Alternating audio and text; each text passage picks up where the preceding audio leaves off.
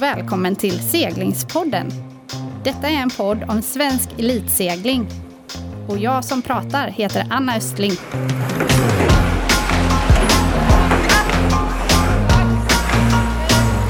Seglingspodden presenteras i samarbete med Helly Hansen, Båtmässan Göteborg, Pilot Pen och Brant Båt.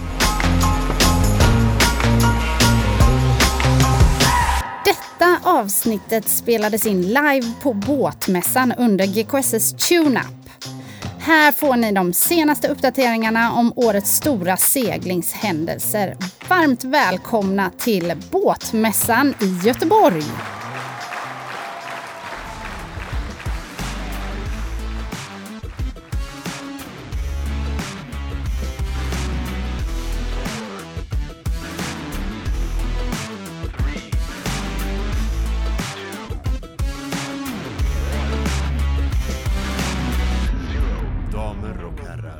Seglare och landkrabbor, välkomna till årets Tuna. Börjar ju bra va? Vad har du tappat bort dina papper? Ja visst, här är manus. Hej och varmt välkomna hit den här dagen som vi väntat på sedan eh, i somras. Och visst känns det som vår? Eller hur? Man vaknar på morgonen. Eh, jag heter Anna Östling och eh, vid min sida idag så har vi såklart Mattias Ram, GKSS eh, arbetare som jobbar mycket med matchkuppen och allt möjligt. Vi kommer se dig i det mesta idag kan jag säga. Ja, man är ju ganska involverad kan man väl säga. Ja.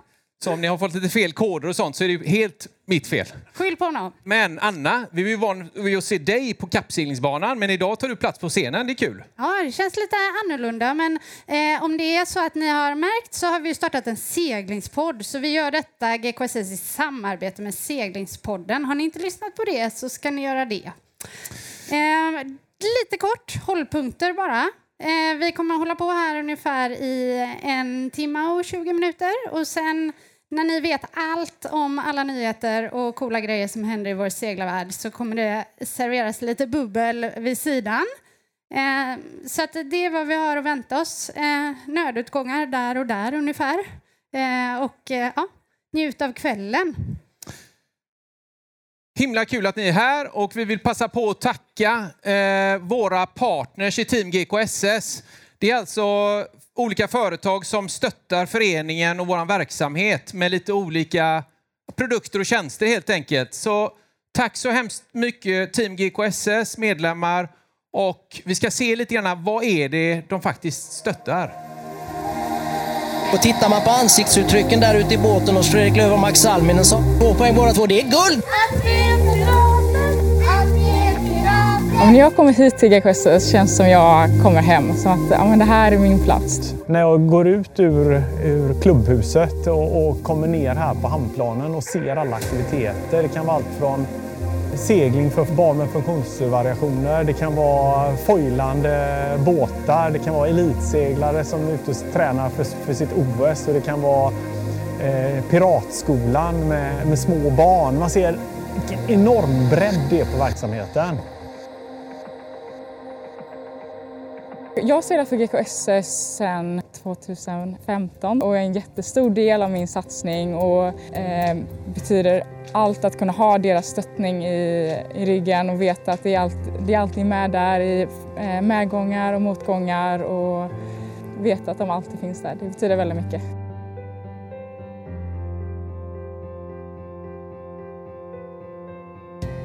Eh, det betyder extremt mycket att det finns ett ställe, en plattform med båtar så vi kan få upp nya unga seglare att bli riktigt bra kölbåtsseglare och matchracingseglare. Jag tror också just matchkuppen och det stora fina eventet som produceras år efter år av GKSS eh, betyder väldigt mycket för de unga seglarna. Det skapar liksom inspiration och motivation att vilja fortsätta med vår fantastiska sport.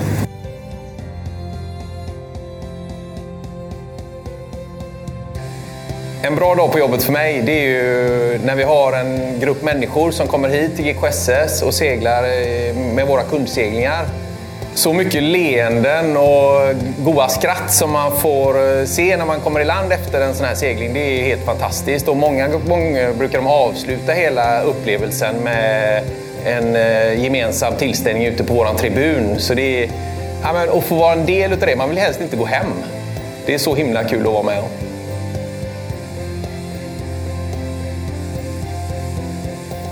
Eh, ett aktivt föreningsliv tycker jag betyder mycket gemenskap, fantastiskt mycket gemenskap. Att eh, vara en del i ett större sammanhang. Eh, En personlig utveckling eh, och livslång, eh, livslånga relationer. Jag brukar säga det att eh, hade alla haft eh, så här stora hjärtan som våra medlemmar har för GKSS så hade vilken företagsledare som helst varit grön av avund. eh, För det är så stora hjärtan som slår för klubben.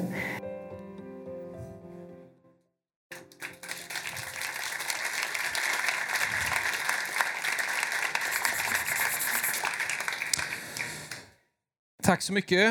Eh, vi hade ju inte kunnat göra det här evenemanget idag utan våra partners. Vi har eh, Nordea som är här med oss, vi har Pelle P som är med oss, vi har Seglingspodden, vi har Freda och vi har Båtmässan.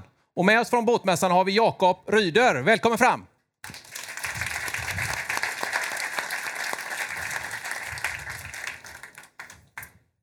Allesammans och eh, varmt välkomna till den 62 upplagan av Båtmässan. Och det är alltid kul att se er, men i år är det faktiskt extra kul. Vi har ju laddat på det här i tre år nu. Vi har planerat, vi har hoppats och så har vi ställt in. Och så har vi gjort samma sak en gång till. Men nu är vi här idag och vi har en jättefin utställning där ute. Det är ju som så att våra utställare de brukar åka runt och ställa ut på lite olika mässor och event och så här. Och ibland kan det vara lite så här, ja, då var vi här igen och så. Men i år är de sjukt taggade. Det är verkligen så här, yes, äntligen så ska man köpa båt så är det nog här ikväll. Man kan nog eh, få det mesta till ett riktigt bra mässpris faktiskt. Det är ju som så här att vi vet ju inte på förhand hur många båtar som kommer till mässan. Men om de bokar sina ytor så får vi se hur många de väljer att knö in. Men vi gör ju som så att vi kontrollräknar ju alltid på natten hur många det är. Och är det någon som kan gissa hur många båtar som ställs ut på mässan i år? Dra till med någonting. 320. Det var faktiskt en väldigt bra gissning. 318 båtar är här. Oh!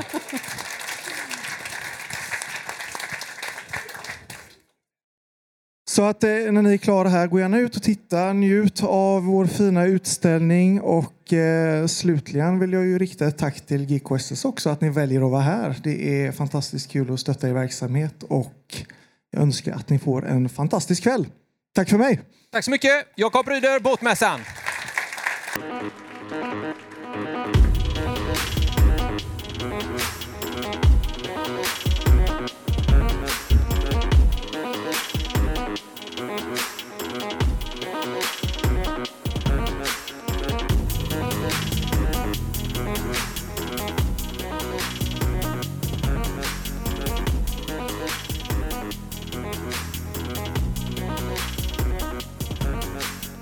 Ja, där var det action på havet, stora vågor. Välkomna hit Marie Björling och eh, Lovisa Karlsson.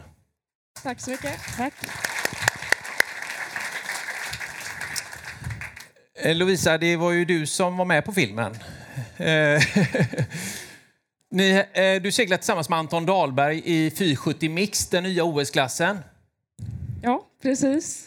Och fick ju en fantastisk start 2022.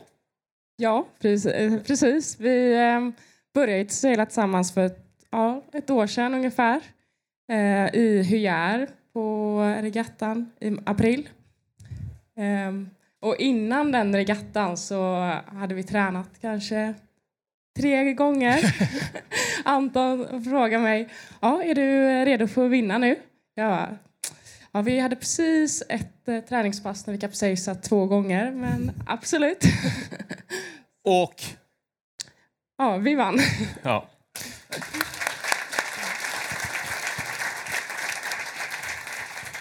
Och ni vann också EM. Ja, precis. Ehm, ja, men vi hade verkligen ett um, ja, men väldigt bra första år tillsammans och um, ja, vi hittade varandra ganska snabbt. Uh, kände att teamdynamiken fungerar bra och Anton är otroligt erfaren seglare, seglare och uh, det är väldigt kul att segla med Anton. Och jag menar, du är inte så oerfaren du heller. varit med på OS också i Tokyo. Så att det var ju två riktigt bra seglare som teamade ihop. Marie, Ja. du sitter ju som förbundschef och sitter där landslaget är en del. Men vad betyder det liksom för svensk segling att ha de här fantastiska seglarna? Ja, men det är oerhört viktigt att ha sådana förebilder som, som Lovisa, Anton och alla andra är. Eh, både för att visa upp vår eh, fantastiska idrott men också för eh, våra juniorer att ha lite idoler att se upp till. Vad skulle jag säga, hur är status nu då på de här svenska... Det finns ju ett antal land, team i landslaget. Inte jättemånga, men de är, de är väldigt bra. Ja, men vi, vi pratar just om det idag. Vi har ett eh, grymt team i landslaget och med fyra potentiella medaljchanser som vi ser det till eh, Marseille då, eller Paris. Vad, Lovisa, Marseille, har du varit där och seglat där nu? Ja, vi har varit där eh, ja, men redan ganska mycket förra året. Eh, vi började åka dit i maj och sen ja, hela juli, augusti i år. Eh, det är väldigt eh, fin seglingsarena. Det är en bukt och så mycket topografi runt omkring. Eh, om vi kanske har seglat 40 dagar där det har aldrig varit samma förhållanden två dagar. Att, eh, Det är bra. det är kul. Då slipper man ju komma till regattan och ha liksom att det kommer att bli så här. För det är ju så ibland och så blir det aldrig så ändå. Ja, precis, det är det vi pratar väldigt mycket om. Att, okay, vilka förhållanden kommer det vara? Vi, just nu är en fas där vi håller på att kolla lite på olika segel. Vilket segel kommer passa eh, just eh, Marseille-arenan? Och, ehm, ja, det är en svår nöt att knäcka. Hur känns det när Marie säger att vi har fyra potentiella medaljbåtar här liksom? Mm, väldigt kul och det är, vi är ett starkt eh, team, hela Swiss Sailing Team och kul att kunna vara en grupp där vi kan ta erfarenheter av varandra och eh, stötta varandra. Eh, Marie, vi har ju SOK som ju är en väldigt viktig som partner kan man väl nästan säga till våra elitseglare. Vad, vad, hur, hur, hur funkar det i samarbetet? Ja, men det funkar faktiskt eh, väldigt bra. Vi får ju stort stöd av SOK. Vi är en av de idrotterna som får mest stöd. Ehm, de ju- delar inte med sig bara av pengar utan de delar också med sig av kunskap. Ehm, och just nu så har vi fem besättningar som finns med i deras topp och talangprogram. Vilket innebär att de får också ett, eh, ska man säga, ett ekonomiskt stipendium som gör att det är lite lättare att, att segla och satsa. Ehm, Så att eh, det är ett väldigt viktigt samarbete som vi har. Och hur många lag sa du att det var som var med i den? Fem stycken eh, team, mm, nio seglare. Så att eh, vi är en av dem. En stor idrott där och vi har faktiskt suttit hela dagen idag med SOK och Peter Einebo varit här och pratat, eh, inte 2024 men mer 2028, 2032. Hur kommer det sig att seglingen är så stor sport inom SOK? Nej, men, eh, vi har varit duktiga på att ta medaljer och det gillar SOK. Ehm, jag tror att det är den enkla anledningen helt enkelt. Medaljer is the king. Lovisa, eh, dina konkurrenter, är det nå- vilka ska vi se upp för? Liksom? Är det italienarna med han Grandoni och spanjorerna med... Eller vilka är det? Ehm, ja, men det är faktiskt ett gäng ehm, som är väldigt duktiga. Ehm, det är många länder som har flera bra båtar. Ehm, vi har spanjorerna, de har två toppbåtar. Tyskarna är tre, fyra toppbåtar. Ehm, italienarna, som du säger, har också flera bra seglare. Ehm, och, det är, och Frankrike också. Så att, eh, det Låter som många. Ja, det är ett gäng och ehm, det kommer bli intressant eh, ja, men nu eh, nästa år som bygger upp inför OS och se dels eh, eh, de nationella kvalen för alla och eh, ja, hur alla teamen utvecklar sig. Ni har ju... Eh, jag tänkte säga, ni har inte bara haft framgångar. Ni har ju faktiskt haft... Eh, VM var ju inte någon succé direkt. Nej, det var lite utav en käftsmäll. Ja. Men De det behöver man ibland. Eller? Precis. Ja. Man vet att man ska komma tillbaka starkare. Precis, lite bränsle. Eh, härligt. Eh, vi tackar Marie för att du har varit här. Lovisa, du får stanna lite till. Och är du nyfiken på och vill höra mer om Maries arbete på Seglarförbundet så klicka in på Seglingspodden och vårt absolut första avsnitt så var hon gäst hos mig. Så avsnitt ett får ni höra allt från Marie Björling Duell.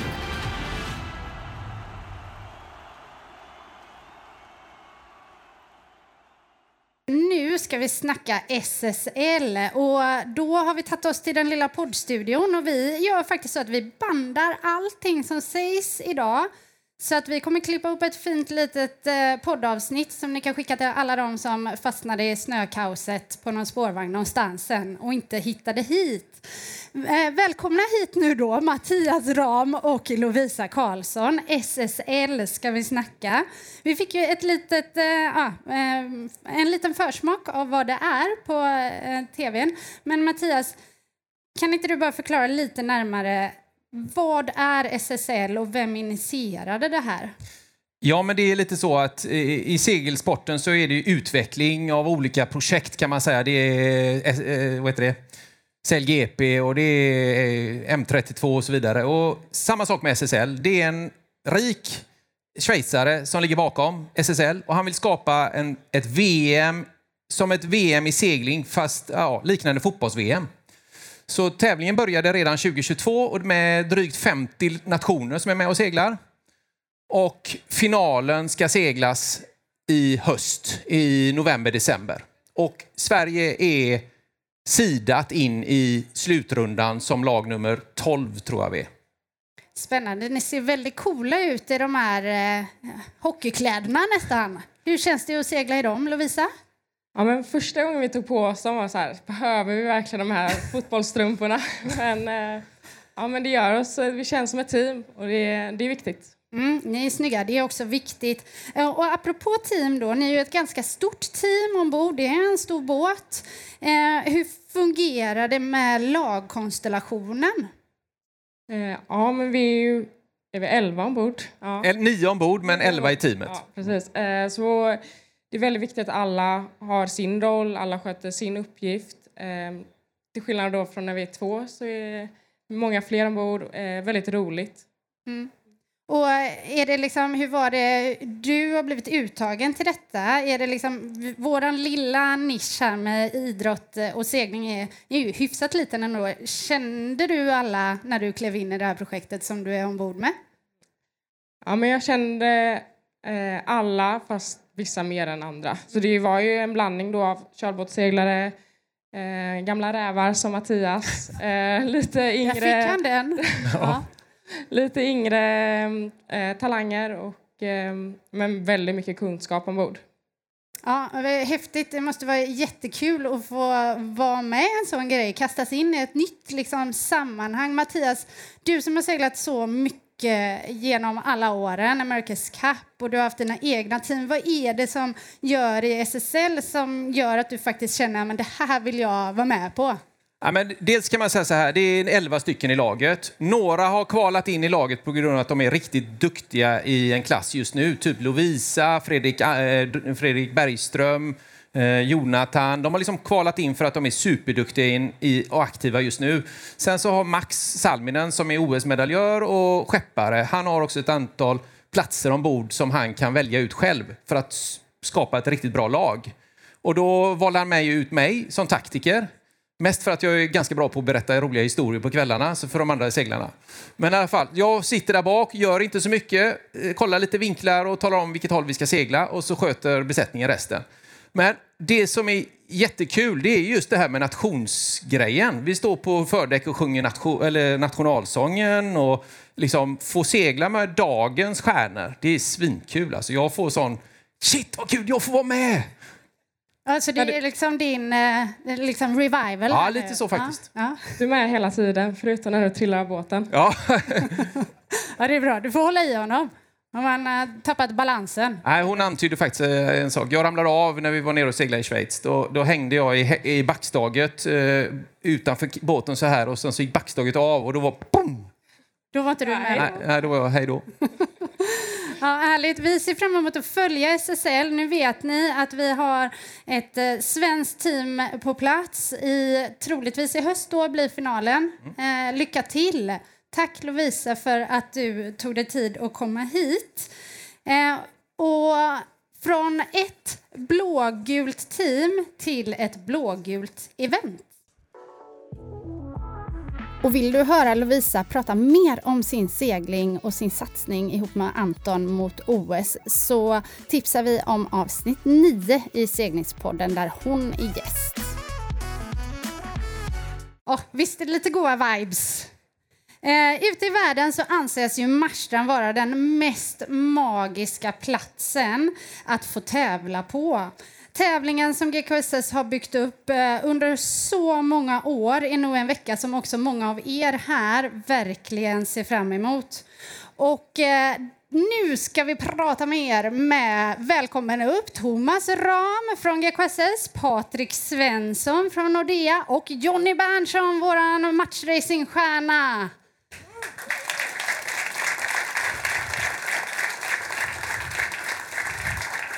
Slå er ner, herrar. Kul att ha er här. Eh, Patrik, vi börjar med dig. Ja, alla mickar är på. Ja. Vad bra. Eh, du? Nej. nej, det gjorde du inte. Eh, Nordea, ehm, alltså ni är inne på ert femte år redan. Tiden flyger. Marstrand, när du ser den här filmen, vad, vad händer i dig då? Nej, men det, är, det är ju som eh, ni säger på filmen att eh, det är ju inte bara ute i världen man tycker att Marstrand är en magisk plats. Man blir ju lite hemmablind men, men det är nog en av världens bästa platser att vara på när det är sommar och sol. Och varför inte då förena det med eh, vår verksamhet i samband med den här fantastiska tävlingen. Så vi är superladdade. Vi har haft fyra fantastiska år, även om två av dem har varit lite utmanande. Vi är superladdade för år nummer fem och har eh, stora planer om hur vi ska liksom göra vår aktivering optimal i kombination med, med den tävlingen som vi har. Och vi är också väldigt, väldigt stolta att det är just Nordea Women's Trophy som vi står för och får vara med och, och eh, se till att den tävlingen lever kvar. Det är vi evigt tacksamma för kan jag säga. Eh, så ni har helt enkelt inte, ni har inte ångrat det här beslutet att testa. Vi har inte ångrat Nej, det känns bra. Vi har Det känns testat bra. nu i fyra år. Känner oss ganska färdigtestade. Thomas, du och jag vi jobbar ju med den här tävlingen dagligen. Vi sitter och har möten om olika saker. Det är allt från eh, format till eh, partners till seglare, och you name it. Vad betyder GKSS Match Cup för klubben? betyder jättemycket. Eh, Det är ju inte bara en, en seglingstävling som alla andra utan det är också ett, eh, kan man säga, ett skyltfönster för en del som eh, inte normalt kanske följer segling utan de kommer till Marstrand och helt plötsligt så är det en seglingstävling som de tittar på och det är deras första kontakt med GKSS. Att det är vi som arrangerar den seglingstävlingen. Så att det är ett skyltfönster för seglingen i Västsverige skulle jag säga. Den betyder massor. Och sen så är det ju också så att vi har ju för första gången på 15 år tagit över ansvaret. Ja, det, det känns också jättekul. Eh, vi, är, vi har ju gjort den här tävlingen på vattnet hela tiden. Men att nu få ta hela ansvaret och eh, också bygga eventet, det känns ja, fantastiskt. Både utmanande men också jättekul. Det är, det är mest utmanande för mig känns det som. Ja. Det var du som fick försöka arbets... Ja, jag har dubbelt så mycket att göra, eller tre gånger så mycket att göra helt plötsligt. Men det känns ändå kul. Eh, säger jag nu. Sa han med en suck. Jonny, du. ehm, du är ju en riktig kändis vecka 27 varje år. Hur känns det? Jag är glad att du eh, säger att det är vecka 27 och inte vecka 29 för då vill man ju inte vara kändis. Så att eh, det känns ju väldigt bra.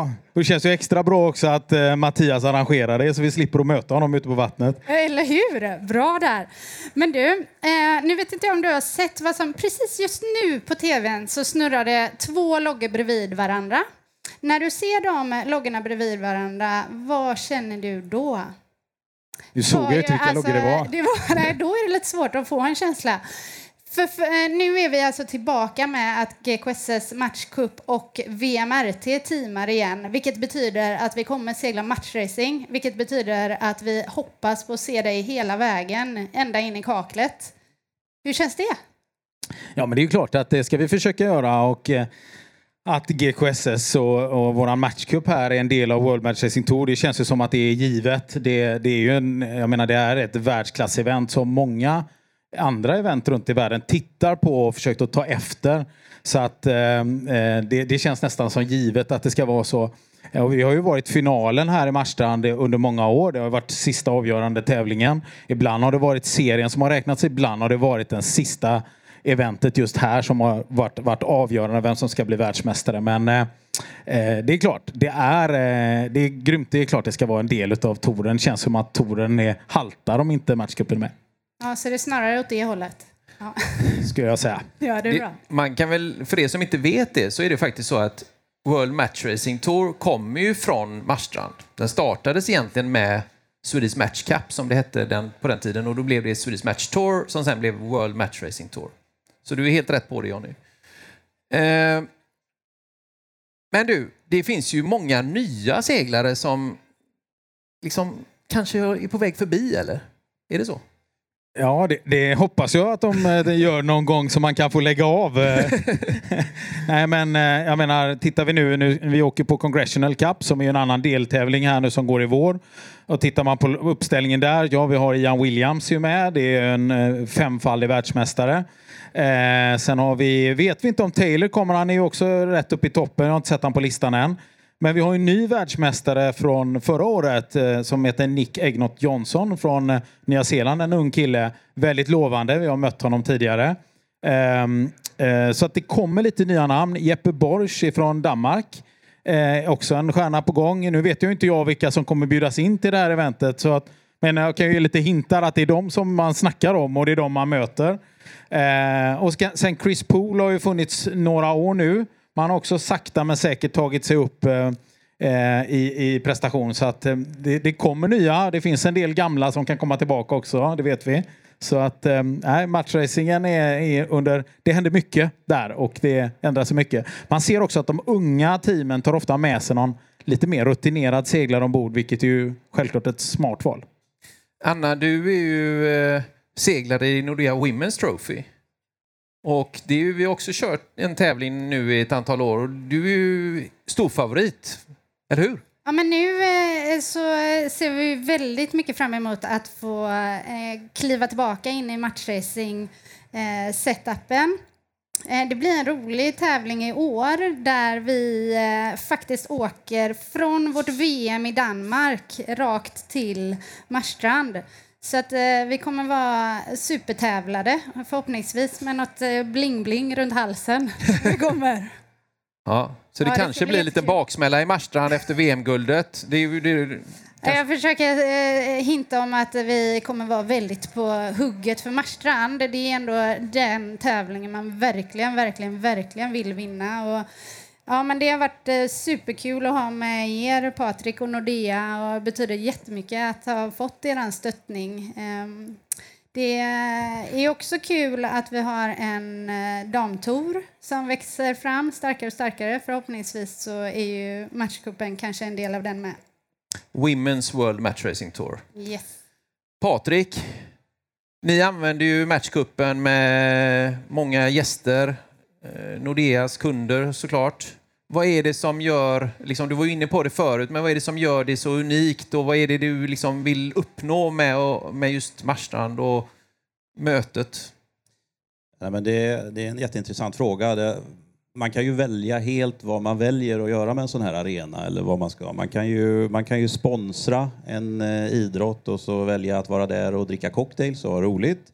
Eller så kan man använda arenan till, till, till någonting eh, framåtblickande och, och samhällsnyttigt och, och så även klart trevligt för många kunder.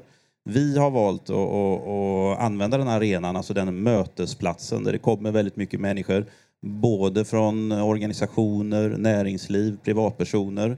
Alltså det, den draghjälpen vi får eh, av att eventet är där skapar ju en jättearena för oss. Vi har valt och haft lite olika teman genom åren men, men den, den röda tråden har handlat om ESG-frågan eller som vi säger i Sverige hållbarhetsfrågan. Eh, och, och, för att ge några exempel så det vi jobbat med där på olika nivåer nu senast nu när vi kunde skala upp lite grann efter covid. Så dels är det för, för allmänheten att vi syns där eh, och träffar alla kunder som är där. Vi gillar att eventet är inkluderande. Det är fritt för alla att, att, att komma dit. Eh, så alla kan komma och alla kan vara med. Eh, där jobbar vi då med eh, vår synlighet, delar ut vår Nordea-glass som vi har gjort tillsammans med Triumfglass här i stan. Och vi har också någonting som vi kallar matteutmaningen som vi haft på plats där vi jobbar med att få ett intresse kring matematik i skolorna. Vi jobbar också med någonting som heter ekonomipejl där vi lär skolungdomar vardagsekonomi. Det är inget du lär dig i skolan, så när du får din första faktura så slänger de den i papperskorgen. Kan vara bra att veta vad man gör med den och så vidare. Så att vi jobbar med de typer av frågorna i brett. Men sen har vi jobbat lite mer eh, vad ska jag säga, lite djupare för våra företagskunder. Eh, och det är ju liksom väldigt känt nu och väldigt tydligt att, att den här EU-agendan eller Parisavtalsagendan om omställningen till att vara CO2-neutrala. Eh, och vi som bank har bestämt att vi ska vara CO2-neutrala till 2050. Och då säkert många av er som tänker här att nej, men vi har sett aggressivare mål 2045 och jag tror Amazon har innan 2045 till exempel. Det man glömmer bort då det är att vi måste se till att vi är CO2-neutrala. Men vi måste också se till att ni är CO2-neutrala. Alla våra kunder har vi ett ansvar för. Eh, och det är så man kommer driva den här omställningen eh, utifrån ett EU-perspektiv med den här taxonomin man pratar om. Så vi har valt att använda den här arenan och prata om de här frågorna. Så i, senast nu i somras så, så hade vi lite olika seminarium baserat på det där vi bjöd in våra företagskunder. Bland annat kom Susanna Campbell som är en av Sveriges kändaste styrelseproffs. och pratade med hur jobbar styrelsen med den här frågan. Vi hade vår egen representant för vårt eh, pensionsförsäkringsbolag, Nordea Liv, eh, som får in flera miljarder på sitt skrivbord varje dag och ska placera dem eh, åt er som pensionstagare. Hur viktigt det är där med att omställningen och hur vi kan påverka bolagen som vi investerar i att ställa om. Så vi jobbar mycket med den frågan och tycker att den frågan är alldeles ypperlig att facilitera på en sån här arena. Eh, Och det kommer vi fortsätta med i år. Vi har lite olika teman. Eh, Och sista grejen att lägga till på det här temat som vi också brinner för. Vi har tre saker som vi tar med oss in när vi skapar den här typen av event. Eh, Det är att vi brinner för entreprenörskap. Det är att vi brinner för hållbarhetsfrågan och eh, mångfald och inkludering. Och det gör att vi tycker det är extra roligt att vi har kunnat vara med och påverkat och skapat Nordea Women's Trophy. Att vi kan ha skapat den och den inkluderingen och mångfalden som den betyder. Men det vi gjorde nu som vi tyckte var lite roligt det är ju att Marstrand samlar ju också många ungdomar som tycker om att partaja. Och då tänkte vi försöka göra något nyttigt för de här ungdomarna. Så att utan koppling till liksom vår verksamhet så bjöd vi in till någonting som vi kallade för BANG, Business Arena Next Generation. Vi har ju många fantastiska entreprenörer som kunder och vi har många fantastiska investerare som kunder. Så vi samlade ihop ett gäng av roliga personer och så bjöd vi in eh, skolungdomar eh, för att helt enkelt bara bli inspirerade av framgångsrika entreprenörer. Och förhoppningen är att så något frö hos de här ungdomarna att också se vad man kan åstadkomma som entreprenör. Så då går man direkt från sin Maxi 77 till Bang? Yes, så vi var på såsen hela fredagen. Eh, ett på natten eller på dagen? På dagen. På dagen, på dagen. Eh, många ungdomar har frågat om man kunde fixa in dem på vippen senare på kvällen. Eh, jag var lite otydligt för mig vad det fullt innebar, men det kunde jag inte. Eh, och det här konceptet jobbar vi nu vidare med, så nästa vecka ska vi faktiskt ha Bang på Jaycee Hotel tillsammans med UF och samla skolungdomar med samma typ av eh, grej. Så det var bara en liten parentes. Man kan använda arenan på Marsan till otroligt mycket. Men det här är frågor som vi brinner för Eh, och tycker det är roligt att eh, kunna ta med oss ut i den här eh, fantastiska mötesplatsen. En av världens bästa mötesplatser. Ja, det är verkligen en av världens bästa platser. Jag blir så här, man hamnar lite i mysmode när man tänker på eh, Men sen så hux flux kan man vara på startlinjen. Då är det inte så mysigt längre. Då är nerv nervositeten här uppe. Vad säger du Jonny? Ja, men då är filttofflorna av lite. Det är hårdhandskarna på. Ja, Ja. vi gillar ju det. Ja, men det gör vi ju. Ja. Och framförallt så vet vi ju att alla som är där och tittar gillar det när det blir lite action och smäller Precis. lite. Slå Jag vet ju vad jag ska skicka min son när jag är ute och seglar i alla fall. Till Bang här. Det låter ju väldigt givande. Så kanske kommer tillbaks med lite bra pension för mig också. Så blir det perfekt. Han är välkommen. Härligt. Eh, ja, som ni hör, boka in vecka 27. Eh, det kanske är så att hamnen redan är full. Restaurangerna börjar eh, fylla på dem med. Så att, eh, ja, vi ses på Marstrand. Tack eh, Jonny, tack Patrik och tack Thomas. Eh, är det så att om man blir Nordea-kund får man extra trevligt på Marstrand? Vi älskar Nordea-kunder så att, eh, jag lovar att Ja. ordna något extra. Då vet ni det också. Tack så mycket. Tack, tack. Welcome to the Windy City. Moving on to a two. If you can make a right turn at the top, just long starboard downwind is the best shot you're going to get. Ja, härligt. De drönarbilderna som Niklas sitter där bak och har gjort hela den här produktionen. Han sa den som flyger den drönaren, han har tränat mycket. Ehm, en person som vi alla som är väldigt inbitna i seglingen nästan blir lite starstruck på när vi går på Marstrand på kajen, det är vår nästa gäst.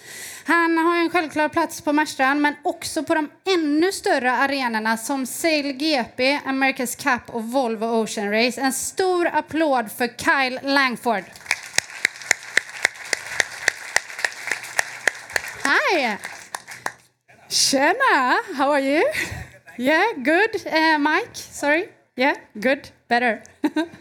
Uh, uh, for for those who, who don't know, we take this in English or Swedish, or what do you prefer? Um, maybe we go this one in English. This one in English. Yeah, okay.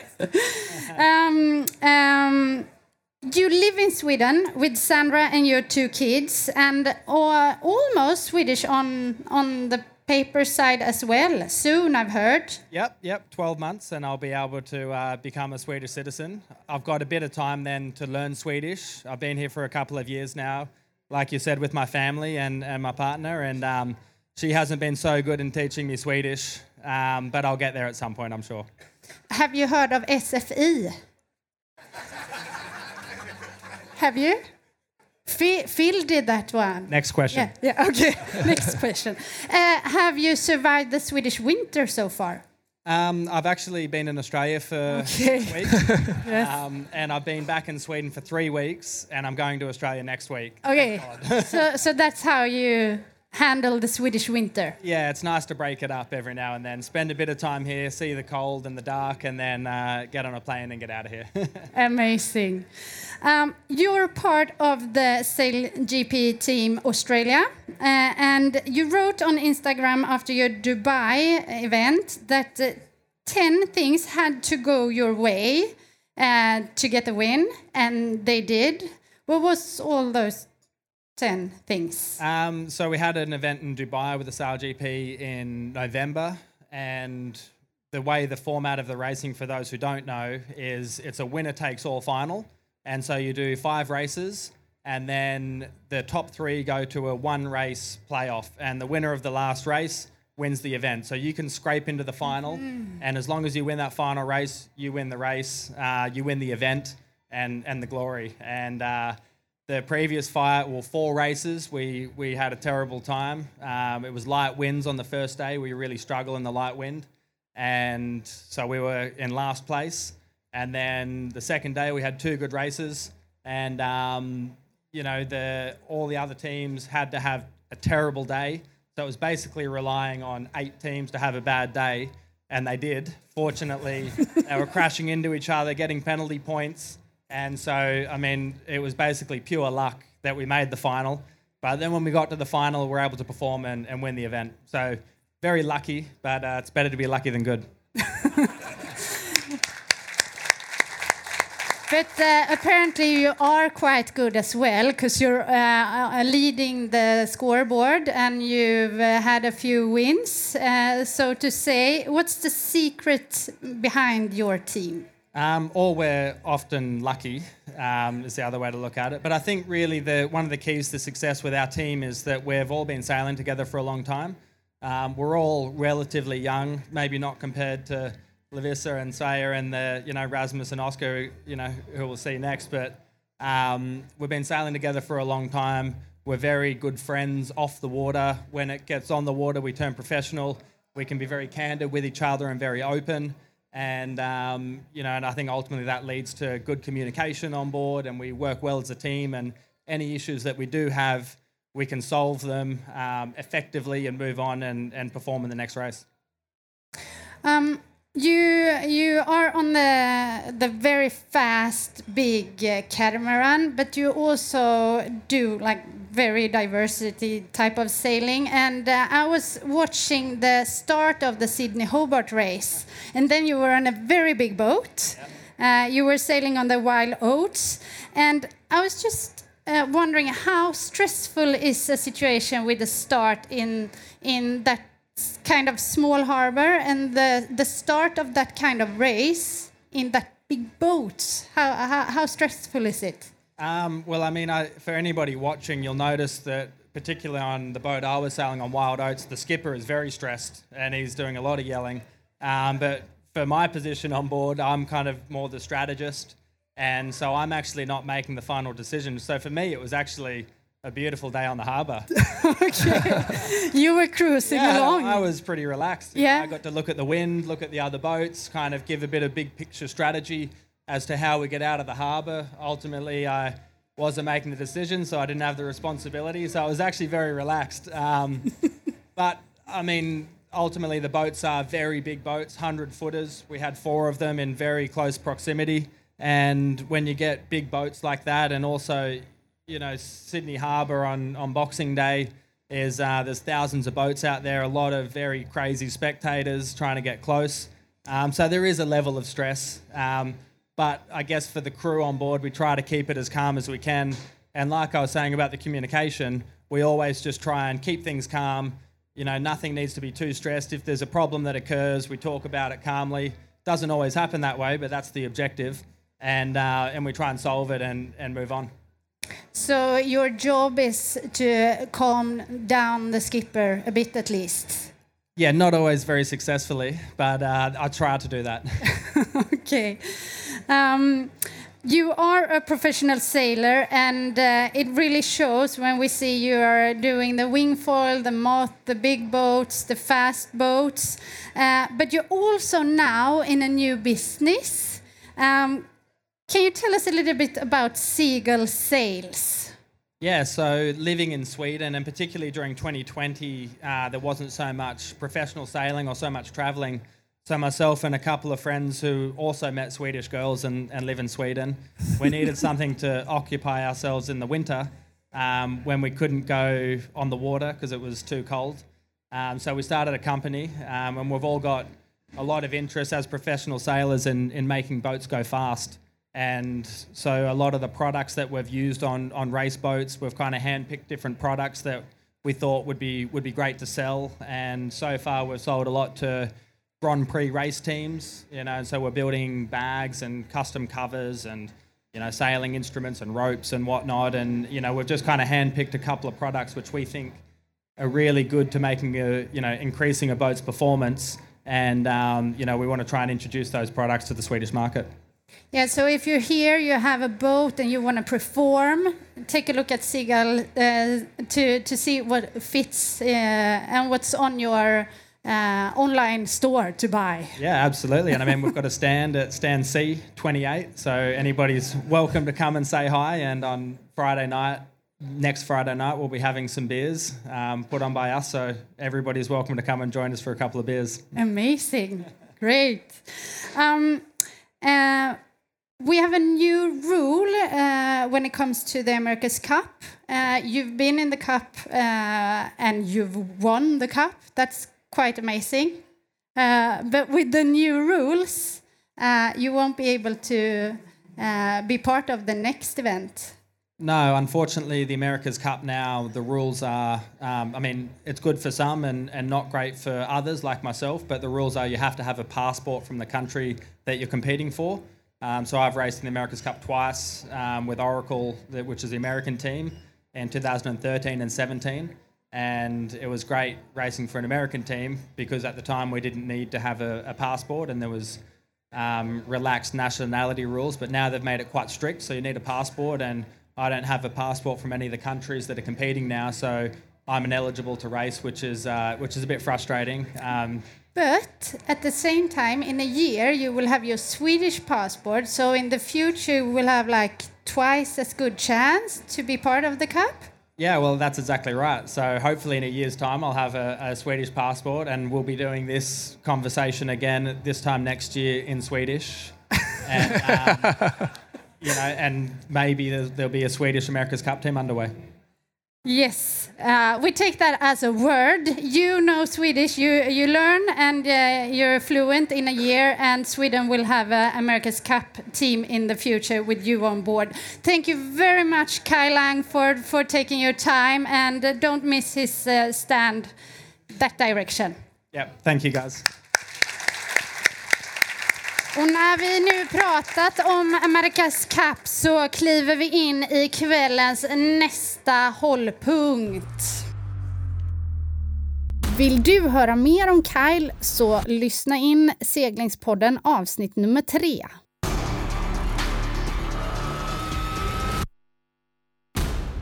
Mattias han grejar med sin dator för nu ska ni få lyssna till en riktigt cool seglare som eh, som är väl din gamla kompis Mattias, eller? Ja, det är ju det. Men det, nu är det så att nu är inte den här personen här, så det är därför så måste vi lösa detta. va? Nu ska vi se. Nu ska vi se. Hi Shannon. Uh, you are now in uh, in the G- GKSS tune-up at the boat show here in Gothenburg, and you have like 150 people in the audience. Welcome. Good evening, everybody. Uh, Shannon, you you are. Uh, we just had Kai Lang Langford on stage, and uh, he's Oh, almost fantastic. he's almost almost Swedish uh, citizen. You are like all over the world citizen. Yeah, no, Carl is a pretty Swedish citizen. He's got the two kids, the wife, um, based there, and uh, um, all over the world. Well, right now it's been Italian citizen, really, because since ultimately, since after the last cup I did with Kyle, which was 2013, um, the last eight years has been pretty much back with Luna Rosa on and off to try and finally bring the cup to Italy, you know? Yeah, I mean uh, the Italians they have tried now for like 30 years to win the cup, and and uh, I mean you have been. Do, is this the sixth America's Cup campaign you're doing? Yeah. If you count the Bermuda one that we pulled out of, it was actually seventh. But yeah, this is the, officially the sixth. Six. And and you have also done the Volvo Ocean Race. You have done with the Puma Ocean Racing. You have done like you know sailing ev- everything more or less. I've been fortunate enough to have a mixed, uh, yeah, a mixed, let's say, mixed career. It's been a, a good balance of, like, you know, the America's Cup's always been, in a way, one end of the spectrum, what people call the pinnacle of sport. But I grew up ocean, you know, sailing oceans, and so ocean racing's also been a big part of it. And after the Volvo, you know, the whole switch to one design, I think I don't think that was the right way to go. Um, but been fortunate enough, even with Kyle, to do a lot of stuff with Comanche and the whole going for race records has been uh, good, up, good, great fun actually. You're now sailing for the Luna Rossa Challenge, and I mean you are you are in uh, your uh, development mode, I guess. We just saw the film here when you're flying around uh, outside Cagliari in your E EC12. Yep, in the LEQ 12. Lec 12, yeah, that's right. And you now uh, you're now sailing tomorrow, right? We'll be sailing over the weekend. Yep, we've been down a few days. Right now, the weather has been really light, so we just took the opportunity. A big part of the latest cups is that in the old days, time on the water was really important. Um, but I think that's when you were further along in a the life of a design rule. Here, even though it's version two, let's say of the AC72 rule, was still really early on. So you've got to really find that balance between being able to do the modifications. So a lot of the times, time off the water is where you make the big gains. So then uh, the constructors and the boat builders can make the adjustments to make the boat go faster. It's all about quality, not quantity, right now. Yeah, yeah. So you you're now out sailing one boat, and that's just to confirm what the constructors have said, or I mean, this time around, it it's difficult as a challenger. It always is. I mean, you know it well enough in the sport. Um, this time around, the with when the protocol came out, um, and especially with the fact that you had a AC40 as an option, you know, for some teams to use, it's going to be used as, let's say, the and the, the boat, the class for the lead up events, and you can use it as a development platform. Um, the fact is that the teams had to order it, and the first two boats have arrived to New Zealand. The British have got their boat. I think Alingi just received theirs two days ago. American Magic's next. We wouldn't receive ours, let's say, for another two months. So that's already passed a lot of the design deadlines for your big boat, you know. Um, so the team made the call, you know, a year and a half ago, even before knowing the rule, that we needed to have uh, that we needed to have, let's say, a test platform on the LEQ. You're allowed to do all your foil development. You're allowed to, you know, um, you can do that only on the small boat. You're not allowed to do that when you sail your AC75 from the last campaign. You can only use legacy components, what they call legacy components on that. So you see the American Magic team sailing Patriot a lot. It's been great. Um, and for them, maybe they had the choice that they felt they didn't see the full potential of that boat because of what happened, you know, in New Zealand. And you can do a lot of changes with regards to systems, you know, doing, you know, switching to run alerts and all those things that, you know, maybe we felt that we had, uh, we'd actually already done last campaign. Because a lot of the rule changes for version two are things that we had implemented, but then not managed to push through the last time round New Zealand. Yeah, we all know that America's Cup is a is a is more than just a sail race. It's more to find the best big build the fastest boat.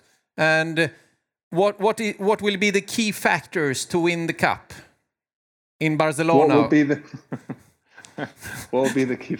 I mean, yeah, like you said, the fastest boat has generally always won the cup. Um, the great thing, and you've seen it even with us in um, San Francisco, but also the Kiwis last time round. The great thing about the America's Cup is that imbalance that sometimes you find when you have a challenger that has fought his way through a long selection process and is, let's say, race ready and managed to get all their kinks out from a human perspective um, compared to a defender that might have a design package that's further along. They're the ones that wrote the rule. They've had a few extra months in lead time, you know, to get their boat ready because they only race in the final. Um, so you get this kind of. It's always been a whitewash one way or another, apart from San Francisco and what was this time round in uh, in New Zealand. Speed will win, and ultimately, I mean, it's a it's a every all the elements have to go together, but the biggest part is you know it's what's the water really. You know the not only the design of your foils and your you know your wings and all that kind of stuff, but ultimately your control systems. Um, I think a big part that you're going to see, which is going to be very different in New Zealand. Everyone who's sailed in Barcelona knows how lumpy Barcelona can be. So it's going to be really interesting to see these AC75s sailing in big sea state and how the crews control their boats. Great. Uh, what speeds are you up to when you sail the Lec 12? 40? Let's just say that the LEQ 12 um, is, is, I mean, no, just kidding. No, the the AC the LEQ 12 can beat the AC 75s. Can beat the 75s. Yeah. Oh shit. It's impressive to see a 40 footer. It's impressive to see a 40 footer doing what it can do. Let's Yeah. just say that. Uh, Shannon, thanks. Ul- As you know, I, I mean, as you know, ultimately, yeah, the big boats got more riding moment, all this kind of stuff. But once you get to a certain wind speed and so on, especially as you start, especially upwind and so on, it's just aero drag on a you know on the bigger platform. So Yeah. it's a, it's it's been mind blowing uh, to see what the guys are doing, pushing this LEQ 12, and uh, and we're only at the very start of let's say that process. We've got you know the whole rest of the year with this boat, so it's going to be it's going to be good fun, and especially when the AC40 finally comes online, I think the New Zealand team have done their first two boat session. Um, it's been a while since you know teams have sailed two boats at the same time. San Francisco, I mean, was the last time that I did it when we had the uh, AC72s. But um, it's going to be fun also, I think, mixing up the LEQ12 against Yeah. the 40. Shannon, thanks for joining us. We're gonna go on, but uh, I mean, it's it's a pleasure having uh, such a hero as you uh, in the studio here, and thanks a lot. And you're gonna give a, have, give a big hand for Shannon Falcone. Thank you, everybody. Thank you. Thanks for having. Och nu Mattias. For the first time in history, women are competing side by side in the America's Cup. We will be there. For me, it's crystal clear. I want to take this chance, and I dream about Sweden being the first nation written on this new trophy.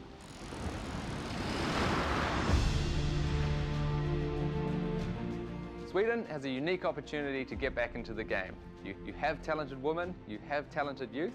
They just need a platform to be able to learn those specific skills on to put Sweden back at the top of world sailing. Make dreams come true. My passion is to develop and open doors for women in sailing. I want to see young women sailors have the courage and the opportunity to go for their dreams. And now it's happening. With the Women's World Match Racing Tour and the Women's America's Cup, dreams will now come true. quickly. This has been very, very good. And the America's Cup is now the Women's Wings for Women's America's Cup. Yes! Och nu på scen Anna Östling, Annika Karlunger, Oskar Engström och Rasmus Alnebäck. Välkomna upp!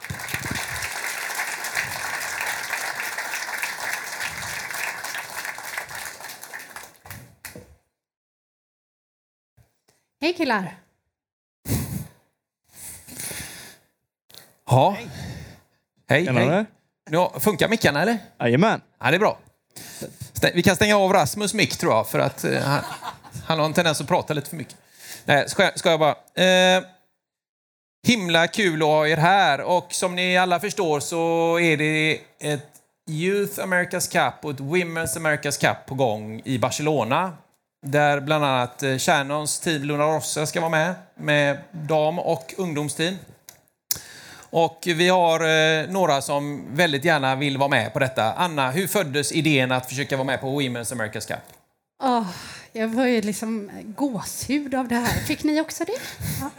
Eh, nej, men det här ehm, kom upp för lite mer än ett år sedan när vi förstod att eh, det kommer vara en dam America's Cup. Och någonstans så har vi nog eh, lite sorgligt nog skämtat med varandra och tänkt att vi är nog döda innan damerna blir inbjudna till America's Cup. Men vi är levande och still alive kicking. Så nu tar vi våran chans tänkte vi. Eh, Så det började med att vi, ehm, ja, men vi kände så här, vi måste ta reda på vad detta innebär. Eh, Man vet ju ingenting. Det kommer något litet, eh, en pressrelease från AC. Ehm, så för eh, ett år sedan ungefär satt vi med Russell Green som är eh, en av de stora namnen i ehm, Team New Zealand. Och frågade honom ah, vad gäller och vad kommer det hända. Och liksom, då sa han så här, tjejer, det här är vad vi har. Och så visade han upp ett vitt papper. Och då fattade vi direkt, shit vad bra, nu har vi våran chans. Så vi eh, em, eh, satte oss ganska snabbt i någon typ av advisory board där, du och jag Ankan. Så vi har varit med under ett år nu ungefär och utvecklat och hjälpt till lite. Och det är väl lite taktiskt också för att eh, vi vill vara eh, kompisar med dem. Så att vi vet vad som händer. Ungefär så. Så eh, ja, det, drö- det föddes ju med en dröm. Jag kan dra lite kort parallell bara till när matchracingen kom in på OS.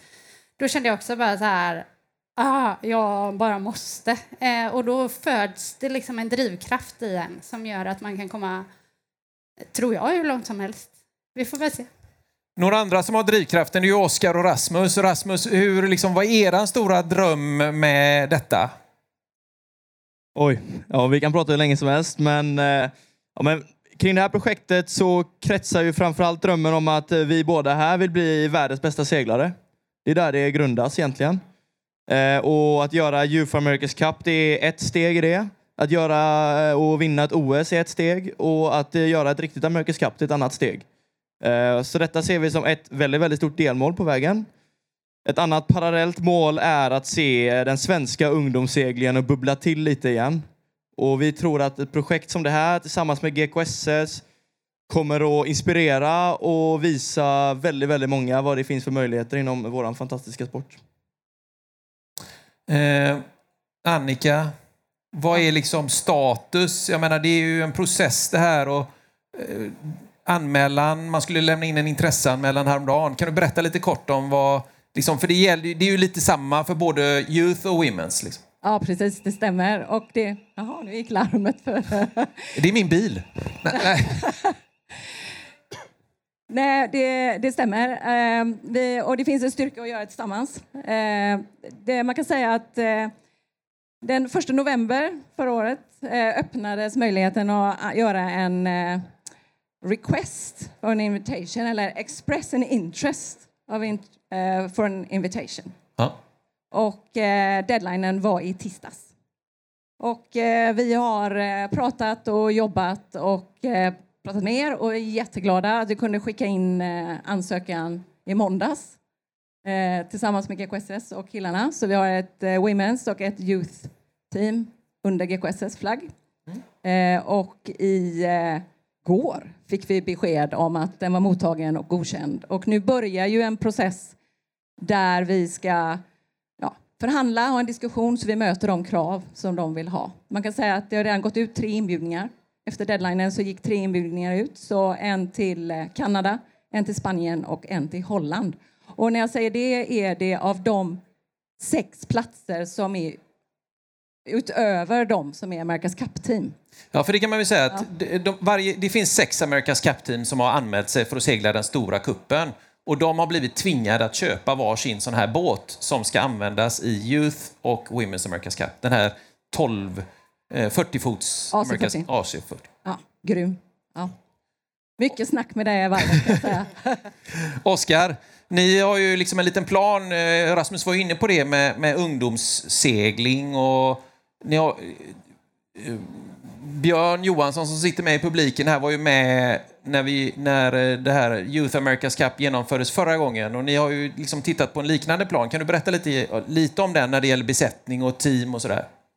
Ja, för laget då. Förhoppningarna var ju att hitta några här, men jag ser att 25-årsgränsen kanske är lite, Passerat. lite besvärlig. Eh, nej, men skämt åsido. Eh, Rasmus nämner det här med att samla ungdomarna igen och eh, det är vår ambition med eh, eh, ja, tre helger där vi ska ha uttagningar, är tanken egentligen, till, eh, till laget. Så vi vill samla alla som eh, tycker det här är intressant och är mellan 18 och 25 och vara med och slåss om platserna ombord helt enkelt. Ja.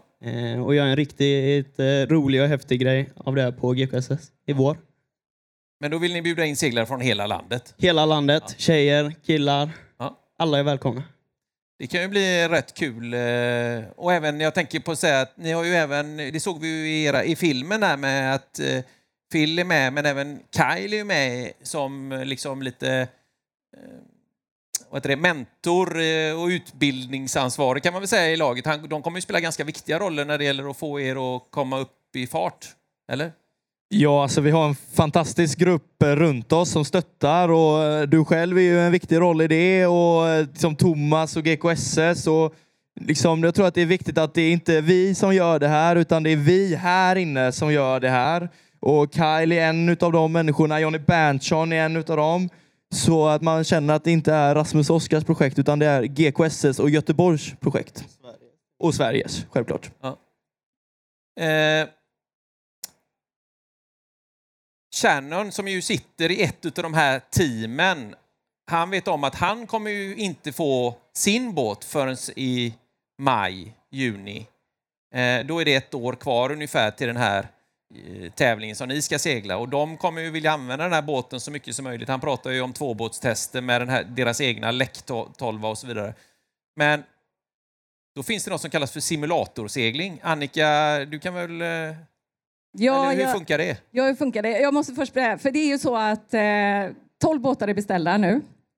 Och eh, tanken är väl att vi vill ha den nummer 13. Det verkar ju spännande. Men om vi lägger en beställning nu så får vi den, den är färdig i mitten december. Vi kommer kunna ha den i Europa om ett år. Ja. Och eh, så då, eh, de tre klubbar, eller det är även en fjärde klubb som kommer ha en, en plats nu i, i utmanarlaget. Eh, de har även beställt simulator och det byggs simulator. Den kommer börja byggas så att det är en exakt kopia av cockpiten eller vad man nu ska säga. Så man på riktigt kan träna sig, som man kroppsminnet kan träna sig om inte annat. Det kommer finnas enklare simulatorer som kommer finnas redan i april. Men eh, simulatorerna kommer börja levereras ut i maj. Och eh, med tanke på det så är det naturligtvis viktigt och det är väl återkommande när vi har pratat med både Kyle och Phil och alla runt omkring att höghastighetssegling, det måste ni börja träna. Men eh, också så som Anna och jag ser det, vi, vår dröm är att Sverige ska vara det där namn, första namnet på den bucklan. Och då måste vi segla AC40. Den här, eh, han nämner ju det, kärnan, liksom att båten går ju lika fort som den stora, för det är mindre luftmotstånd på den lilla. Och det är klart, eller lilla, den är 40 fot och den, den gör ju närmare 100 km i timmen. Så det är klart, det är lite annat än att segla Far East. Ja, och det det som är så eh, galet med detta, jag vet inte, några av er kanske har nördat in, men eh, det är ju ingen muskelstyrka som kommer behövas längre, utan eh, man kommer eh, sitta i cockpit, eh, två stycken rorsman, äh, män, en på varje sida, och eh, två trimmers, och då handlar det om att trycka på knappar. Eh, och det är rätt bra att, att inte behöva kolla ner om det går 100 km i timmen. Så det är det man kommer kunna träna mycket på i simulatorn. Och bara för att knyta an till det så är det ju några eh, stora yachtclubs runt om i världen som har beställt de här simulatorerna och tänker att de ska stå i foajén. Fatta coolt om ni kommer in till GKSS, köper dagens Wallenbergare och seglar lite AC40. Eh, det tycker jag är helt briljant. Så att, eh, vi kommer nu eh, jobba stenhårt här i vår för att få ihop det här projektet, att det är ett herrejösses-projekt. Eh, för det första så jag tror faktiskt att vi har en ganska bra chans att få en inbjudan. Eh, de har sagt att de ska premiera de länderna som inkommer med både Youth och Women's ansökan, så vi känner oss starka. Eh, men sen när vi väl får inbjudan då ska vi betala en anmälningsavgift på, 1,2 miljoner och sen slutar det inte där. Eh, så det är ett stort projekt, men vi är liksom fulla av glädje och jävlar anamma i detta, tror jag vi kan säga allihopa. Eh, Så att det, det kommer bli jättekul. Har ni några idéer och tips på hur vi ska ta oss framåt så hör gärna av er. Jag vet inte om Nordea har några väldigt bra lån för en AC40 som kostar 30 miljoner. Men det, det löser Det sig. löser sig alltid. Ja. Men jag måste ju säga, för du, jag vet när vi satt ner någon gång sa det är ju billigt, sa du till mig. Om man jämför med en stor AC-satsning. Ja, såklart. Det är det. Eh, Rasmus?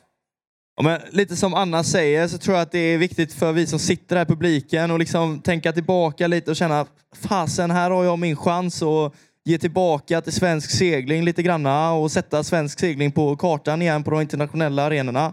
Så sitter man här med lite gött kapital i fickan, då vet ni var ni ska lägga det efter det här mötet. Vi kan, eh, vi kan ta det över ett glas champagne sen kan jag tycka. Ja, men det är bra. Nej, men vi, vi har ju faktiskt en eh, fantastisk historia i America's Cup. Eh, vi hade ju eh, eh Pelles eh, lag med Sverige på slutet på 70-talet och sen så var vi med SAC Challenge eh, i Stenungsund början på 90-talet. Sen var eh, vi med Stenbecks Victory Challenge där jag själv var med och Lasse och Stefan var också med, Oskar och så vidare. Eh, 2005, eller 2002 och 2005 kan man väl säga. Eh, så att eh, vi har ju en stark tradition så det vore kul om eh, era satsningar kunde få fart på en ny svensk America's Cup-satsning även i det stora formatet. Våra satsningar, Mattias. Ja, förlåt, våra satsningar. Eh, tack så hemskt mycket för att ni kom hit. Eh, väldigt kul att höra, inspireras av unga och eh, gamla. Eh, själv betra- betraktar jag mig som gammal. Eh, men tack så hemskt mycket. Eh, To be continued. to be continued. Mer information om AC40 och America's Cup hittar ni i avsnitt 13 där jag besöker Elise på basen på Nya Zeeland. Lyssna på det om ni inte har hört det för det är superintressant om hur de har tagit fram den här snabba båten som ska vara en del av Women's och Youth America's Cup.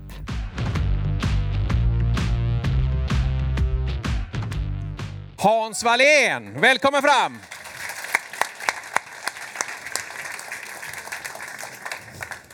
Hej Hans! Du har med dig lite demogrejer också. Den kommer, det är bara att fortsätta prata så drar den Okej, upp den. så. Eh, ja, Eh, jag har lite leksaker här. Du har leksaker med dig. Eh, vi, de flesta av er som är här, ni känner till Hans. Han är ju eh, en av våra bästa svenska seglare genom tiderna. Du har aldrig slått mig, tror jag inte, men eh, du är ändå bra. Seglar inte du eh, M32? Ja, just det, det gjorde jag. Nej, det, det var faktiskt en av de roligaste eh, perioderna i min seglingskarriär när du och jag stod och hade just det här tugget eh, liksom, på presskonferenser och Ja. sådär. Håller du inte med mig? Ja, ja, det var grymt kul. Alltså, hela den M32 han var ju galen. Det var en galen kille från uh, Hönö tror jag som startade. Han var ju så galen va? så att eh, vi blev ju ännu galnare. Och det behövs ju sådana galna människor som Håkan för att dra igång och, och lyfta segling på en annan nivå. Och det gjorde ju han på ett sätt. Eh, så att seglingen i Sverige fick upp ögonen för något nytt och hela världen fick upp ögonen för något nytt som han gjorde. Och nu har du något annat nytt med dig. Jag menar, vi har ju hört nu om olika foilande kit här och det, man bygger båtar som är 75 fot långa och de flyger och det kostar hundratals miljoner. Här är det något annat som flyger. Ja, nej, men det här, det här är hela seglingspaketet. Det här är så jädra coolt. För att jag älskar segling. Eh, min dröm när jag var liten grabb var att segla Tornado. Så i slöjden byggde jag en Tornado. Och det var det coolaste, för det var det snabbaste som fanns. Det fanns 14 stycken nere i Hovås, Det var Peter Collner som håller det.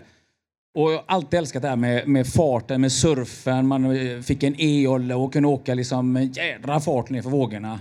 Och någonstans så blir det ju så här att ju mer man seglar, kommer på större båtar, ju mer bära segel, mecka, eh, laga, förbereda, eh, hålla på med projekt som är stora. Då, då till slut så har jag liksom hamnat där att var kan jag få den här ultimata känslan med fart, med nya utvecklade eh, saker som inte har använts innan. Där jag faktiskt eh, lägger 98 procent av tiden på vattnet och 2 procent på mecka. Och där har hittat den ultimata sporten. Och det är segling, men på ett helt nytt sätt. Visa. Ja. Och då är det så här att hur lång tid tar det att rigga en laser? Är det någon som vet ungefär? 10 minuter? Är det jag på den? Ungefär. Från A kapell på med segel. Nu ska jag rigga eh, ett wingfoil. Hur lång tid tar det tror ni? Tre minuter. Okej, vi testar. Jag får ta ut den ur bagen bara. Stopp är det någon som tar tiden eller? Ja, det, Björn tar tiden va? Ankan är bra på att räkna bak. Han startade ju 59, räckknappen på sin... Eh, Säg, säg start så kör jag. Start. Så, nu. läcker den eller? Ja, 20 sekunder. Det var bra Hans. Bra, en applåd. Får du. Jävlar vad trött jag blev. och rekord.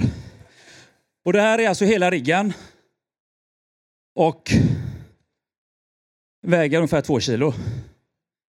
Och när vinden kommer så lyfter den. Då väger den ingenting. Kan du andas åt mig? Ska jag andas och snacka? Ja, men jag kan hålla den, slipper du hålla den här. Det är ju tungt. Det coola med detta då, det är att med en...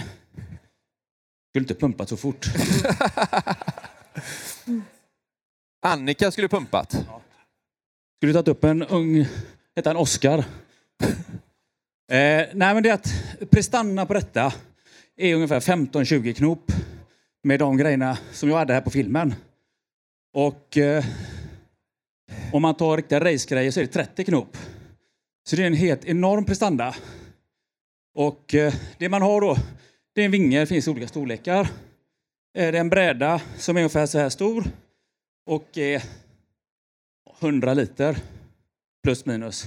Så du flyter på den.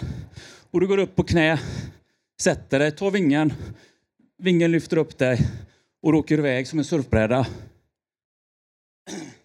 Och sen när du får upp en viss fart så lyfter du på foilen. Och då går du ju som från optimistollerfart till ja, nästan Amerikas cupfart. 20-30 knop. Och då Eh. behöver man inte heller liksom, man behöver inte stå så här som ett surfingsegel utan... Jo, alltså Eller? det som är så jävla coolt med detta, som jag älskar, det är att problemet med eh, många segelbåtar är att man måste reva när det börjar blåsa väldigt mycket eller byta segel.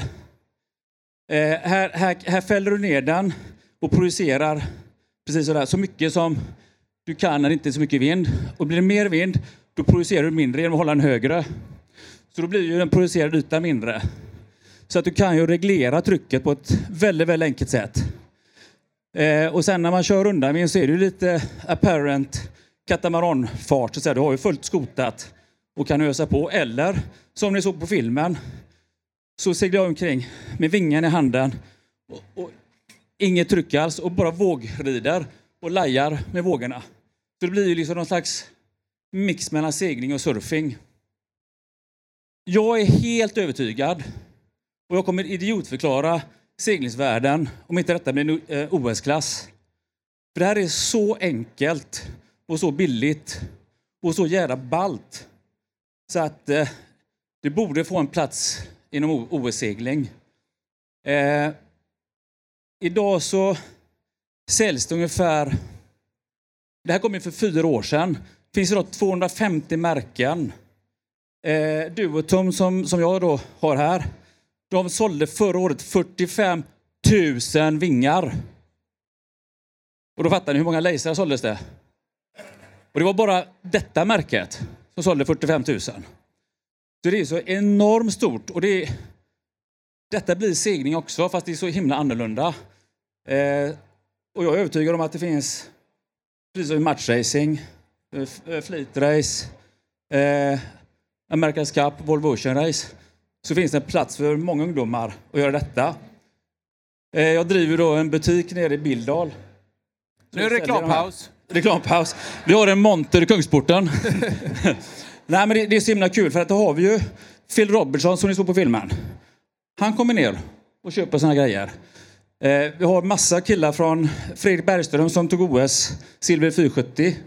Han håller på med detta. Och massa av de här som seglar som har detta som sin hobby när de vill ta en, en paus från kappseglandet och ha lite kul. Men det, ja, Så då kanske det inte behövs vara OS-klass egentligen. Nej, det, räcker. nej, det är det är rätt kul att liksom flyga runt i Askinsviken Ja, också. ja men det, det är just det det är. Men det är framförallt enkelheten är jäkligt ball. Ja. Eh, ett, ett riktigt bra paket kostar ungefär 35-40 000. Eh, sen finns det superbra paket och då är det uppe kanske 60 000. Och så finns det då enkla paket som ligger kanske på 25 20-25 000. Så det är ju liksom optimist, el, EOL, ja, plus eller sådär.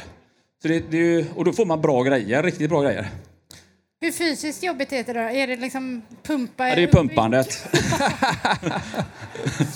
Ja, tusen Nej, men jag ska bara berätta hur fysiskt det är. Eh, filmen som ni såg där, den är från förra söndagen. Eh, så jag har kört eh, tror jag, 10-12 gånger sedan i julas. Och då säger folk så här, men fan är det inte kallt? Och då är det så här, dräkterna idag har utvecklats väldigt mycket, precis som en Gore-Tex med seglarkläder. Så man känner överhuvudtaget inte det tregradiga vattnet. Så när jag kommer in, jag körde två timmar i söndags. Då var jag helt genomsvett. Så det är fysiskt är det. Men det är ju liksom inte svinjobbigt. Du behöver liksom inte gå på gym åtta dagar. Det är inte som att träna ner den platta magen. Tack, eh, Tack så hemskt mycket Hans Wallén.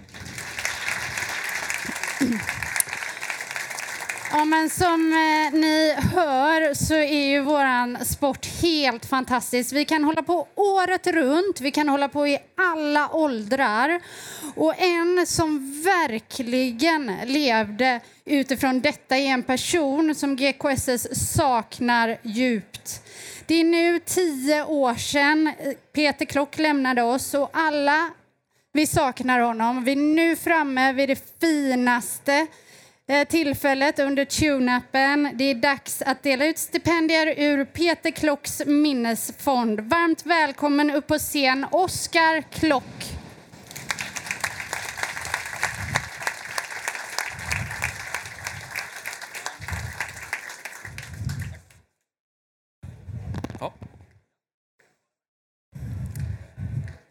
Kan vi få lite ljud här framme? Har ni mig? Yes. Så att, eh, ja, Anna, tio år sedan. Och eh, syftet är ju då samma nu som det var från första början. Att främja eh, unga seglare. Eh, framförallt då i Västsverige. Um, och det här har vi gjort. Jag har sett nu både Lovisa Karlsson som vi delat ut eh, stipendiet till som var uppe på scenen förut och Oskar Engström som sitter här som var uppe. Så det är rätt kul att se eh, vart eh, de tar vägen och det verkar ju ändå som att det är rätt eh, lovande seglare. Så sätt. Men eh, som sagt, vi satsar då på ungdomsseglare och vi vill främja dem som visat ett stort engagemang för sin idrottsliga utveckling. Eh, som visar en stor ambition för sin framtida karriär. Men eh, minst lika viktigt också att man är en god kamrat. Att man då är schysst mot sina medseglare, mot dem runt omkring i klubben Eh, och även ute på, på tävlingar. För det är någonting vi tror också att det gynnar inte bara seglaren själv utan alla de runt omkring och vi blir starkare tillsammans på det sättet. Så nu i år så har vi eh, fått in väldigt många nomineringar och eh, många som har då valt att nominera just den här personen. Det är en person som har visat tydliga tecken på just den här kamratskapen, på goda resultat på tävlingar, Eh, väldigt, eh, liksom, tränar väldigt mycket, både teori och på, ute på havet. Eh, och har även då stora ambitioner för framtiden.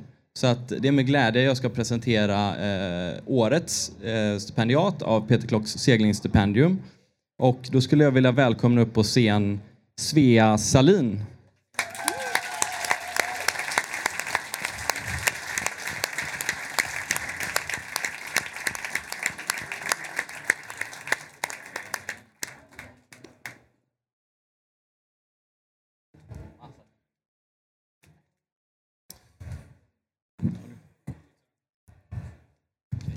Har den.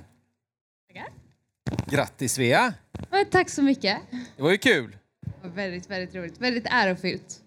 Ja, det får man ju säga. Det var ju som Oskar var inne på, det är ju, eh, du är ju inte först. Det är ju några andra seglare som har fått det här före dig. Hur känns det att vara liksom en i gänget? Nej, men det är ju jättecoolt. Och att alla de här coola människorna har fått det innan, det känns ju lovande liksom. Ja. Ja, men det är bra. Vad, vad är det du seglar för någonting? Jag seglar laserradial, som numera heter Ilka 6. Ehm, men sen så nu för i år så kommer jag även segla lite matchracing under våren i tanken. Du är inte så gammal. Nej, jag är 19. 19. Ja. Vad är din vision och framtidsförhoppning? Nej, men det är ju att segla så mycket som möjligt såklart och bli så bra som möjligt. Ehm, är det liksom, har du någon liksom resultatmål eller tänker du bara att jag ska köra så mycket som möjligt och så får vi se vad det leder? Eller har du, liksom, har du någon sån verkligen dröm om att jag ska minsann eh, slå Josefin Olsson här om eh, sex år när det är dags för nästa OS-uttagning? Eller? Nej, men min eh, tanke är att jag seglar så, alltså, så mycket jag kan och så roligt liksom, som jag tycker att det är. Så att eh, är det i laser som jag kommer prestera bäst så är det där. Eller är det någon annan båttyp så är det det. Så att eh, bara jag får segla så är jag glad. Ja, men jag tror att det är bra. Det, det låter som du har en sund inställning. För jag tror precis som du säger, man vet aldrig när man är i din ålder vilken båtklass som kommer att passa dig bäst. Och jag menar, framtiden är ju lång. Eh, Lovisa hon är säkert tio år äldre än vad du är. Så att, eh, inte riktigt kanske, men nästan. Men, ja, Youth America's Cup kanske hade kunnat vara något. Det låter ju riktigt roligt. Ja. du får vara med på uttagningarna så får vi se om du eh, eh, Absolut. kvalar in i, i laget som ska vara med. Ehm, stort grattis Svea! Tack så jättemycket. Jag tycker att vi ger Svea både en eh, grattis till stipendieapplåd men även en framgångsapplåd för framtiden.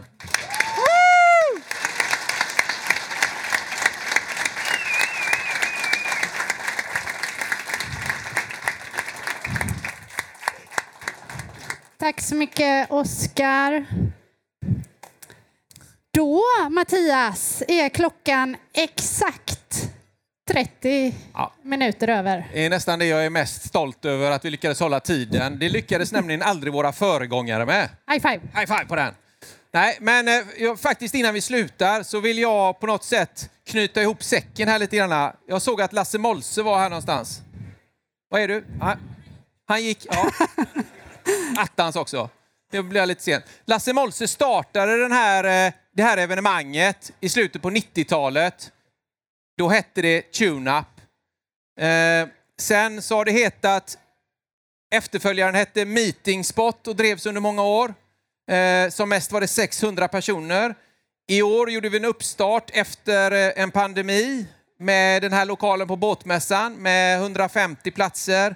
Och jag har haft hjärtat i halsgropen för jag har bjudit in lite fler än 150. Men eh, det blev ju alldeles perfekt. Och man kan väl säga så här att eh, nästa år så har vi ambitionen att bli ytterligare lite fler igen.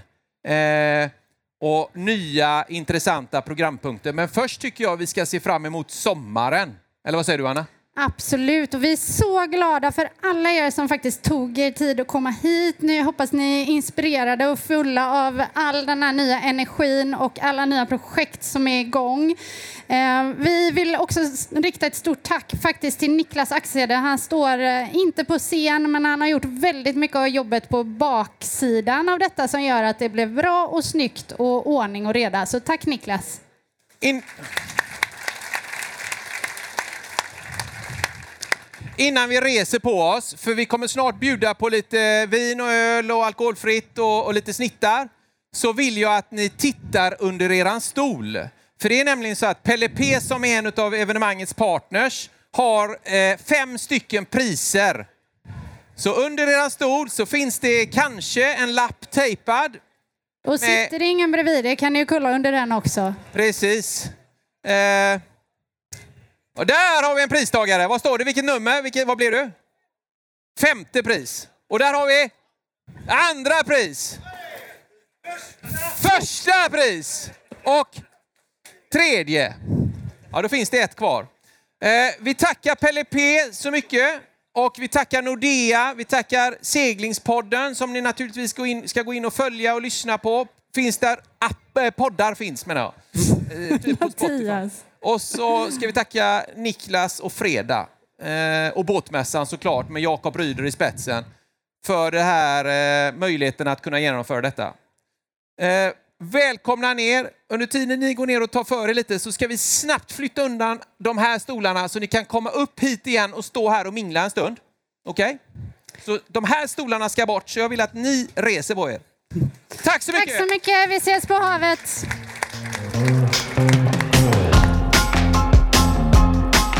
Tack för att ni har lyssnat på det här avsnittet. Jag hoppas att ni längtar efter seglingssäsongen lika mycket som vi gör. Vi hörs igen om två veckor.